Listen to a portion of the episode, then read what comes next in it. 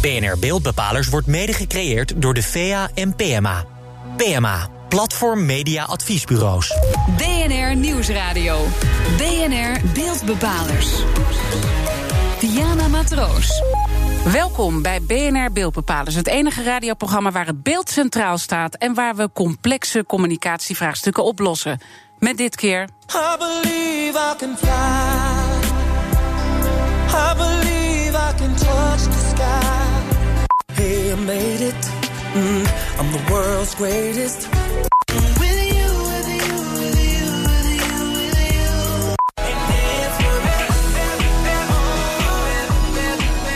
Ja, je hoorde fragmenten van R. Kelly en Chris Brown. Twee wereldberoemde RB-zangers. Die allebei natuurlijk grote hits op hun naam hebben staan. Maar deze mannen worden ook beschuldigd van verkrachting. Net zoals voetballer Cristiano Ronaldo. Ook hij is verwikkeld in een verkrachtingszaak. Waarom blijven mensen, deze, mensen, art- deze artiesten massaal steunen? En wat zegt dat over hoe ons beeld wordt bepaald? Daarover praat ik met mijn gasten van vandaag. John Oliveira, hij is bestuurslid van FAIR, een Europese organisatie die zich hard maakt voor diversiteit in het voetbal. En hij is ook mediaspecialist. En Barbara Barend, oprichter van Helden Magazine en natuurlijk sportkenner bij uitstek. Beide van harte welkom. Eh, John, meteen eventjes de muziek pakken die we net eh, hoorden. Jij luisterde altijd graag naar de muziek van R. Kelly, Ja. maar je kunt er niet meer naar luisteren. Nee, ik kan er niet meer naar luisteren. Eh, vooral met die wetenschap wat, er, wat hij allemaal heeft gedaan. En eh, ik moet zeggen, dat is een heel moeilijk proces. Want eh, ja, ik ben ermee opgegroeid. Ja, en eh, ik zag je net ook een beetje zo Ja. van... je wilde eigenlijk meeswingen, maar toch, ik doe het maar even niet. Nou ja, het is, een, het, is, het, is ook een beetje een soort gesprek die je met jezelf hebt. En het viel me ook op in mijn timeline. Nou, die ontplofte als het gaat over deze discussie. Ja, kan je nog wel normaal naar dit soort artiesten dan luisteren? Ja, heb je dat ook met Michael Jackson? Want daar is natuurlijk heel veel ophef over... naar aanleiding van die documentaire. Ja, dat gesprek heb ik nog steeds. Ja. Bij mezelf. Ja, dus Ja. Je, bent, je, je hebt nog ge- geen afscheid genomen van Michael Jackson. Nou, maar... het, het- de, de grap is, ik speel het niet meer. Maar eh, ik, ik, ik moet zeggen, ik vind dat echt lastig. En ik vraag me echt oprecht af, hoe ver zijn we bereid te gaan? Ja, wat is die lastigheid? Nou ja, in hoeverre eh, la- geef je, eh, laat je, zeg maar, kan je kunst zeg maar, loszien van de kunstenaar of van de artiest? En dat, dat aspect, nou, eh, dat vind ik een heel lastig gegeven. En eh, ik denk dat ik daar niet alleen sta. Maar is, is dat je eh, moeilijkheid? Of is je Ja. moeilijkheid als ik weet dat het zeker zo is, dan luister ik zijn muziek niet meer? Want dat is voor. mm, als ik weet. Als de dingen die ik nu hoor over Michael Jackson. Ik ben van nature een enorme Michael Jackson-fan. Maar dat laat mij er wel anders naar kijken en, en niet meer naar luisteren. Dus het is volgens mij meer op het moment dat je zeker weet dat dit bewezen is. hè, Zoals Ja. ook bij Ja. R. Kelly.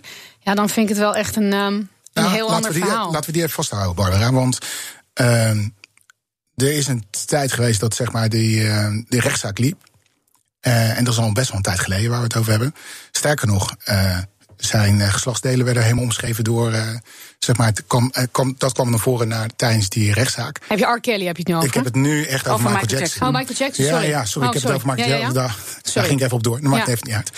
Ehm, en, toen, oh, oh, en in die tijd was er helemaal geen collectieve verontwaardiging. En dus best, daarom is het interessant wat we nu meemaken in deze tijd. En dat vind ik juist Ja, maar hij kan natuurlijk geen weerwoord meer bieden eh, in dat verhaal. Als je het even doortrekt, eh, Barbara, wat we nu zien in het voetbal hè, met eh, Ja. Cristiano Ronaldo. Ja. Ook daar, het is allemaal niet bewezen. Hij Nee. wordt beschuldigd.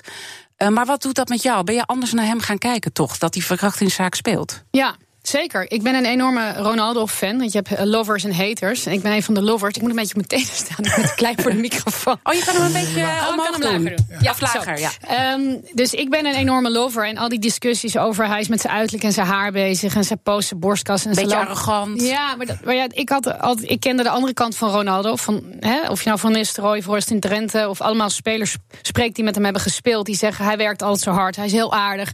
hij is goed voor mensen.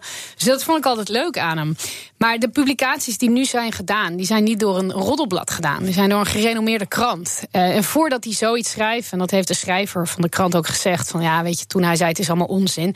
nou, kom maar op. Ik heb zoveel dossier en zoveel documenten... die tegendeel bewijzen... Dus ik ben daar wel anders naar gaan kijken. Het, het ingewikkelde eraan is dat hij nog niet is veroordeeld. Mhm. Maar ik denk ook um, zijn grote sponsor Nike. Als nou iemand altijd opkomt um, voor vrouwenrechten. En nu met Colin Kaepernick. En ook uh, feminisme. Feminisme. Hè. Ze zijn heel erg gesteund. Ze hadden Abby Wambach, een uh, Amerikaanse voetbalster. Ontzettend, nou ja. Um, Um, hoe moet ik dat zeggen? Heel erg openlijk lesbische vrouw. Enorm uh, feministisch en altijd strijdend voor de vrouwenstrijd. Nou, daar hebben ze net weer een te gekke podcast mee opgenomen. Die steunen ze, het vrouwenvoetbal. En ik denk dat Nike er wel heel erg mee in zijn maag zit. Want het is zo. Niet het, het imago wat Nike wil uitstralen, dat je zo met vrouwen omgaat. Maar toch houden zij hem nog wel in de helderrol ja. op dit moment. Want ja. hij komt er nog wel mee weg. Ja, maar ik denk dat dat te maken heeft met dat hij niet veroordeeld is. En dat je dan ook allemaal claims aan je broek krijgt. Ik weet niet wanneer je. Op het moment dat, het, dat Armstrong toegaf. Ja. Dat hij doping had gebruikt, haakte iedereen af. Maar op het moment dat je het nog niet zeker weet, is dat, is dat natuurlijk een hele ingewikkelde voor zo'n merk. Maar reken maar op dat Nike daar heel erg mee in zijn ja. maag zit en daar al heel erg mee zit. En op het moment dat daar wel bewijsvoering is, dat ze direct stoppen. Ja. Als we even kijken naar R. Kelly, hè, want hier staat binnenkort staat hij in Amsterdam. Ja, in de box geloof ik. In de box. Ja. Uh, en daar gaan weer heel veel mensen uh, naartoe. Ja. He, we hebben het nu eventjes over de sponsor. Maar hoe zit het met ons als mensen, ons als uh, fans? Welke verklaring heb jij ervoor dat we toch maar blijven gaan? Nou ja, eigenlijk wil ik net ook proberen uit te leggen wat we met Michael Jackson ook een beetje hadden. Dat is een gesprek wat ik het over had, wat ik bijvoorbeeld met mezelf heb. Uh, wij uh, uh, we zitten toch in een soort uh, cognitieve dissonantie. We, we zien R. Kelly en uh, ondanks uh, hij is nog steeds niet veroordeeld. We willen het niet zien. Nee, we willen het niet zien. En ik denk ook dat het uh, echt een collectieve verontwa verontwaardiging uh, voor minimaal voor nodig is. Om te zorgen dat die promotor, als wel de locatie, zeg maar, die concert uh, cancelt. Maar jij, mag ja? dat, vind jij dat dit niet mag? En dat je als promotor die verantwoordelijkheid hebt en dat je dit niet mag doen? Nou, niet mogen, dat is het niet. Want hij is A, niet voordeeld. En twee, um, um, uh, het, het, is niet een, de promotor begaat geen strafbaar feit. Nou, laten we het anders even anders doen. Jij bent promotor ik geweest. Ik wil antwoord geven. ja, nee, maar ik ben de baas hè, hier. Ja, sorry. Eh, luisteren. Wij luisteren. Eh, als, we, als we even kijken, jij bent vroeger promotor geweest. En je hebt zo'nzelfde situatie aan de hand gehad. ja.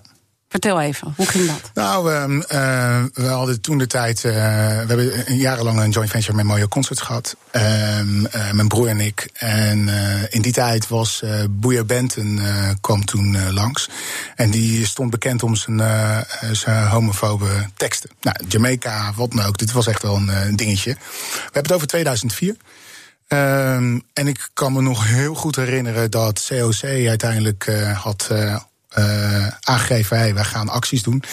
En uh, de reactie toen de tijd was, uh, nee, we staan niet achter de teksten. Uh, en hij heeft al vijf jaar, zeg maar, die.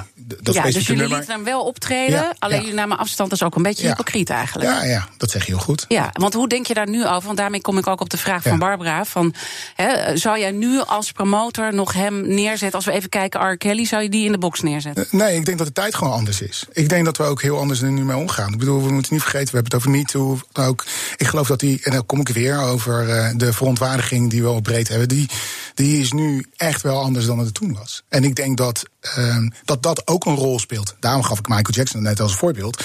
Ja, weet je, nu, in deze tijd, niet denkbaar. Die tijd keken we gewoon met z'n allen de andere kant op. Ja. En echt collectief Dus ook. hè. eigenlijk zeg je, samenvattend, zou je uh, op de vraag van Barbara, vind je niet dat de organisator hem daar had moeten neerzetten en de verantwoordelijkheid moet nemen? Ja, dat vind ik. In dat verhaal. Ja, ik vind nu dat R. Kelly hier niet zou mogen optreden. Nee. Ja. Maar we moeten niet onderschatten wat, wat het spel is. Het is een vraag-aanbodspel die hier wordt gespeeld. Ja, En dat, commerciële jij stuk. natuurlijk ook bij eh, Nike, hè, die eigenlijk zorgt dat Ronaldo toch nog die helderrol kan vervullen. Maar, die ze zullen het lastig vinden. Ja. Die hebben ook al een contract, hè, maar verbindenis. Dus ik denk dat voor ze dat opzeggen, dat daar eh is iets anders als Nike nu besluit. Stel, Ja. hij is sponsorloos en Nike denkt nu, tjaka, we gaan Ronaldo pakken. Nou, dat zou ik heel gek vinden. Ja. Maar nu hebben ze al een verbindenis. Dan is het, een, is het lastiger. Ik denk dat het juridisch namelijk dan een heel ook gedoe voor ze wordt. Maar stel dat er nog iemand bij komt en er Ja. wordt een zaak bewezen. Wat, wat, wat denk jij wat er... dan, dan kunnen ze niet anders dan stoppen. Natuurlijk, dat Ja. kan niet. Dan, je gaat niet als zo'n groot merk... überhaupt kan je dan niet meer aan iemand verbinden... die zoiets op zijn geweten heeft. Dus dan zullen ze daar... en Dat, dat, zal, weet je, dat zal allemaal nu al in de startblokken staan. Voor mocht dat zo zijn, dan zullen af, afstand van hem nemen. Schat je in dat dat gaat gebeuren en dat hij dan commercieel helemaal klaar is? Nou, ik denk nee. Ik denk dat er nog steeds wel blijft bestaan. Hè? Dat er mensen ook nog steeds kaartjes kopen voor R. Kelly. Nou, maar als bewezen wordt dat hij veroordeeld is. Maar dan nog, ook al, ik bedoel, eh Badr Hari is veroordeeld. En hij heeft nog steeds heel veel fans. Ja, want zit daar Nou, misschien en wat... hij is nog steeds actief. Nou ja, dat ook. Maar goed, nou, dan kan je zeggen, hij heeft zijn straf uitgezeten. Ja. Maar hij is veroordeeld voor best wel zware delicten. Mhm. En, ehm, nou ja. Wij de- vinden dat blijkbaar als fans goed. Dus, we- dus we Ja. kunnen naar de industrie kijken en we kunnen Ja. naar de organisatoren kijken. Moeten wij als fans toch meer verantwoordelijkheid nemen? nou, Ja, ja, je ik- kan een verantwoordelijkheid nemen, ja. Ja, ja je kan Ja. zelf. Maar je kan niet meer gaan kijken, je, je kan niet meer naar zo'n concert gaan. Ja, ik denk dat Kevin Spacey daar een mooi voorbeeld van is op dit moment. Wat er daar gebeurt.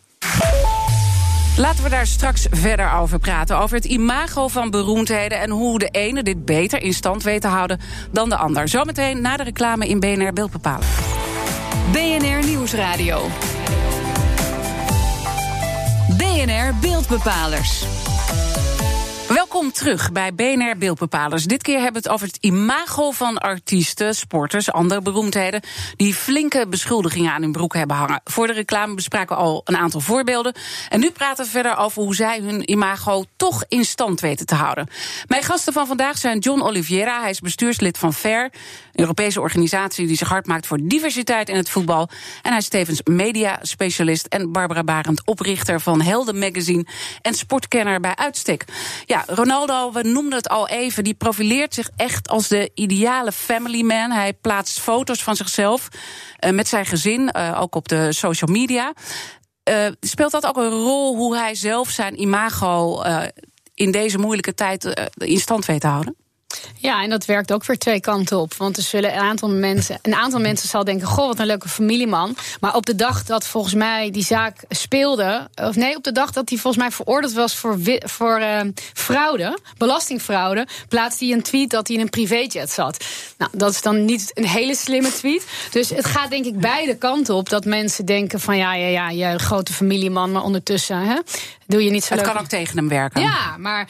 ehm, ja, weet je, het- het- hij heeft het altijd gedaan, ook voordat hij beschuldigd werd. Hè, was hij natuurlijk al heel erg met zijn zoontje bezig. Ik heb niet het gevoel dat het bij hem ineens verandering van koers is. Ik denk alleen wel dat heel veel sporters en ook, ook beroemdheden heel vaak denken dat ze onaantastbaar zijn. Juist. En daardoor ook dingen doen die niet kunnen. En in zo'n geval ook van Kevin Spacey. Jarenlang hebben mensen gezien dat hij zich misdroeg en niemand greep in. En ineens. Door MeToo ook durven mensen wat te zeggen. En dan komt die hele. Nou ja, dan gaat die hele bal rollen. Maar als John hier zich altijd misdraagt. en altijd in onze kont knijpt. en wij zeggen er nooit van. en we zien ook dat hij de 18-jarige stagiair in de kont knijpt. en wij zeggen er ook niks van. dan kunnen we op een gegeven moment ook zeggen. Ja, Diana, jij en ik hadden een keer in moeten grijpen. toen hij weer voor de achtste keer dat meisje in de kont kneep. Dan moet hij het nog steeds niet doen. Maar er is ook zo'n soort raar fenomeen wat om artiesten en sporters hangt. dat ze zo lang van die gekke dingen mogen doen. Dat Ja. ze ermee wegkomen. Ja. Want als je dat inderdaad vergelijkt, hè, je ziet Ja. nu wel dus die, die grote artiesten eh, eh, op het filmdoek, zoals Kevin Spacey, maar ook de regisseurs hè, in die Ja. wereld, die worden keihard worden we aangepakt. Bill Cosby is natuurlijk ook eh, zo'n voorbeeld. Ja. En het lijkt wel of eh, sporters en muziekartiesten daar gewoon veel makkelijker mee wegkomen. Is heb je dat zo? idee? Nee, ja. dat Nee, idee heb ik dat- helemaal niet. Nee, ik denk dat R. Kelly heel veel last van heeft. Wat er Nou, maar niet zoveel last als Kevin Spacey, die gewoon wordt gezegd: joh, jij, jij, jij mag niet eens meer je serie afmaken. Nee, Oké, maar laten we heel- wel even in context blijven. Ik bedoel, R. Kelly heeft heel veel albums uitgebracht, et cetera. Dus die heeft andere manieren waarop hij zijn, eh, zijn centjes mee kan verdienen. En dat is met Kevin Spacey natuurlijk niet het geval. Ik denk dat waar die nu mee geraakt wordt. Vroeger R. Kelly, eh Ziggo Dome met gemak vullen. Met gemak vullen. Dus hij is toch een beetje aangetast. De box, sorry, is maar een kleine locatie. Nee, maar we hebben het nu over. Moet hij überhaupt wel optreden? Gaan we überhaupt wel die, die plek geven? Dus er is wel wat gebeurd hoor. Ja, zie jij dat verschil ook niet? Dat de ene sector er toch makkelijker mee wegkomt dan de andere? Nee, ik, ik ben het wel met John eens. Het is gewoon verandering. En door het hele proces van MeToo... Er verschenen vroeger ook in de krant... blijkbaar eh, contactadvertenties van 43-jarige man... zoekt 16-jarig meisje. En dat werd geaccepteerd. Ja. Dat kan vandaag de dag ook niet meer. En heel veel dingen die we vroeger accepteerden... Wij, eh, Monica Lewinsky, toen was het geen MeToo. En nu Ja. zegt ze, ja, in dit licht bezien is het MeToo. Dus we veranderen. En we kijken dus ook anders naar R. Kelly. Hè. De, ik ken dat is puur toeval. Maar ehm, de broer eh, van een vriendin van mij is filmproducent in Hollywood. En die was verantwoordelijk voor de film. De laatste film waar Kevin Spacey in zat. En alles was al gedraaid. En toen zij erachter kwamen, toen zij zij rond gaan vragen. Toen kwamen ze achter zoveel dingen dat ze zonder veroordeling besloten. Maar hier zijn wij het niet mee eens. En dan zijn we hem uit die film gesneden. Dat is ook wel knap. In Amerika durft men dat. Hè? En Zou Nike dit nu ook doen met Ronaldo? Dat ze ook zelf hun onderzoek doen? ja, je- je- we weten nou het ja, natuurlijk ik- niet. Nee, maar... ik denk dat, dat, dat ze heel. Ja, ik denk dat ze daar heel erg bovenop zitten. En, en dat ze daar heel erg mee bezig zijn. Omdat ze natuurlijk wel voor de troepen uit willen lopen. Maar wat die filmproducenten met Kevin Spacey hebben gedaan. Dat is wel een statement maken. Van we hebben zoveel mensen gesproken in onze branche die wij vertrouwen. Dat wij willen jou niet meer in de hoofdrol. Heeft ze heel veel geld gekost. Want die film moest opnieuw gedraaid worden. Maar ik denk langzaam, door dat hele MeToo. Dat wordt steeds minder geaccepteerd. En dat is in alle sectoren. In de muziek en uiteindelijk ook ehm, in het voetbal. Het ingewikkelde blijft met Ronaldo nog steeds. Hij blijft ontkennen. Ja. Ja, ja. En, is, en, en dat geldt natuurlijk Nou, meer van dit soort hè? zaken. Even één ding eh, ontkennen. Nou, dat was een beetje de Nou ja, voetballeaks ja. wat eruit kwam. Dat vond ik ook zo Nee, interessant. hij heeft dat- wel betaald, hè? Ja, precies. Hij heeft betaald. Hij heeft Mhm. zelf, sterker nog, hij heeft zelfs erkend. Daarna heeft hij het ontkend. Dus, Ja. Maar het is wel heel is, bizar. vuur. Ja, nou, het is heel bizar om te zien Ja, dat klopt. ook daar weer eh, wij, wij eigenlijk accepteren tot een bepaalde hoogte. In mijn ogen komt hij daar nog deels mee weg. Ja. Het, is, het is weer Dus het ligt ook weer bij ons, hè, dus als fans. Eh, Misschien is dat ook wel aardig bij Chris Brown. Die heeft natuurlijk eh, die heeft een straf uitgezeten. Die heeft vervolgens, hè, hij, heeft, hij is ook met Ri- Rihanna geweest, die die eh, nogal Ja. in elkaar gemapt heeft. Nou, vervolgens, ik weet niet of jullie het hebben gezien, maar hij heeft uitgebreid zijn spijt betuigd. eh, van ik had dit niet moeten doen en ik ben veranderd. Nou, een paar Ja. maanden later heeft hij een meisje urenlang gegijzeld. Zijn we dan toch gevoelig voor dat dat we denken, ach joh, we moeten hem toch een tweede kans Nou geven? ja, laten we ook. eh, kijk, R. Kelly is een andere leeftijdsgroep. Het speelt ook nog een rol. Hè? Chris Mhm. Brown is al een stuk jonger. Ehm, en ik vraag me af of die fans eh, op zo'n manier naar deze situatie kijken. En ja, weet je, dat, ik denk dat dat ook een rol speelt. Ik denk dat leeftijd hier een rol speelt. Ik denk dat de eh, R. Kelly, die, ik noem het even, die verontwaardiging die plaatsvindt op die leeftijdsgroep, die toch veel meer op zeg maar 35, 40 plus is, heel anders reageert dan bij spreken die twintiger, die, of die 15-jarige. Het gaat snel, eh, eh, eh, maar we zijn alweer aangekomen bij de conclusie. Wanneer val je als held nou echt van je voetstuk? In die zin dat je de steun van fans kwijtraakt... en dat sponsoren de handen van je aftrekken. Barbara. Nou, sponsoren, dat is wel inderdaad als, als je toegeeft of bewezen hebt dat je doping hebt gebruikt of dat, dat de criminele feiten bewezen zijn voor fans, is dat eh, nog lang niet de drempel. Misschien de enige drempel als je een kind hebt misbruikt.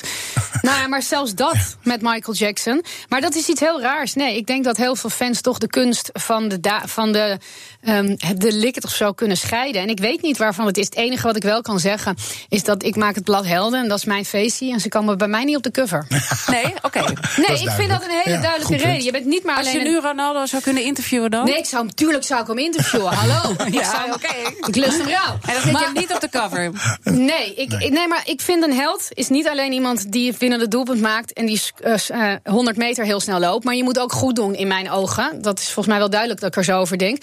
Dus nee, Ronaldo zou ik dit moment niet heel snel op de cover zetten. Ik zou hem wel interviewen. Nou, voor mij is het, eh, eigenlijk één aspect heel belangrijk, dat is collectieve verontwaardiging. Op het moment dat hij heel breed wordt gevoeld, dan is het eh, eh, eigenlijk bijna al eh, een. Ja, Ja, en zeg je dan toch dat, de, dat fans toch meer verantwoordelijkheid moeten ja 100 nemen? procent. Begin daar, want dat, daar zit ook verdienmodel. Daar shirtjes, et cetera, wat dan ook. Dus dat is ook de reden waarom Nike op een of andere manier... als ineens een collectieve verontwaardiging plaatsvindt op Ronaldo... dan is het ook voor Nike heel snel over. Ja, want we kunnen wel makkelijk wijzen naar de industrie die daar een verantwoordelijkheid heeft. Maar uiteindelijk doen wij het allemaal zelf, toch? Ja, ja, ja, en de MeToo-beweging is daar een mooi, fantastisch voorbeeld van. Oké. De beeldbepaler van de week. Tijd voor de beeldbepaler van de week. Eh, wie bepaalde deze week het beeld? Redacteur Madelief van Haarlem, vertel. De beeldbepaler van de week is de Bahreinse voetballer Hakim Al-Arabi. Want hij is weer terug in Australië. De 25-jarige voetballer die werd in november in Thailand aangehouden. En dat gebeurde tijdens zijn huwelijksreis. En dat kwam omdat Bahrein een internationaal opsporingsbevel naar hem had eh, uitstaan.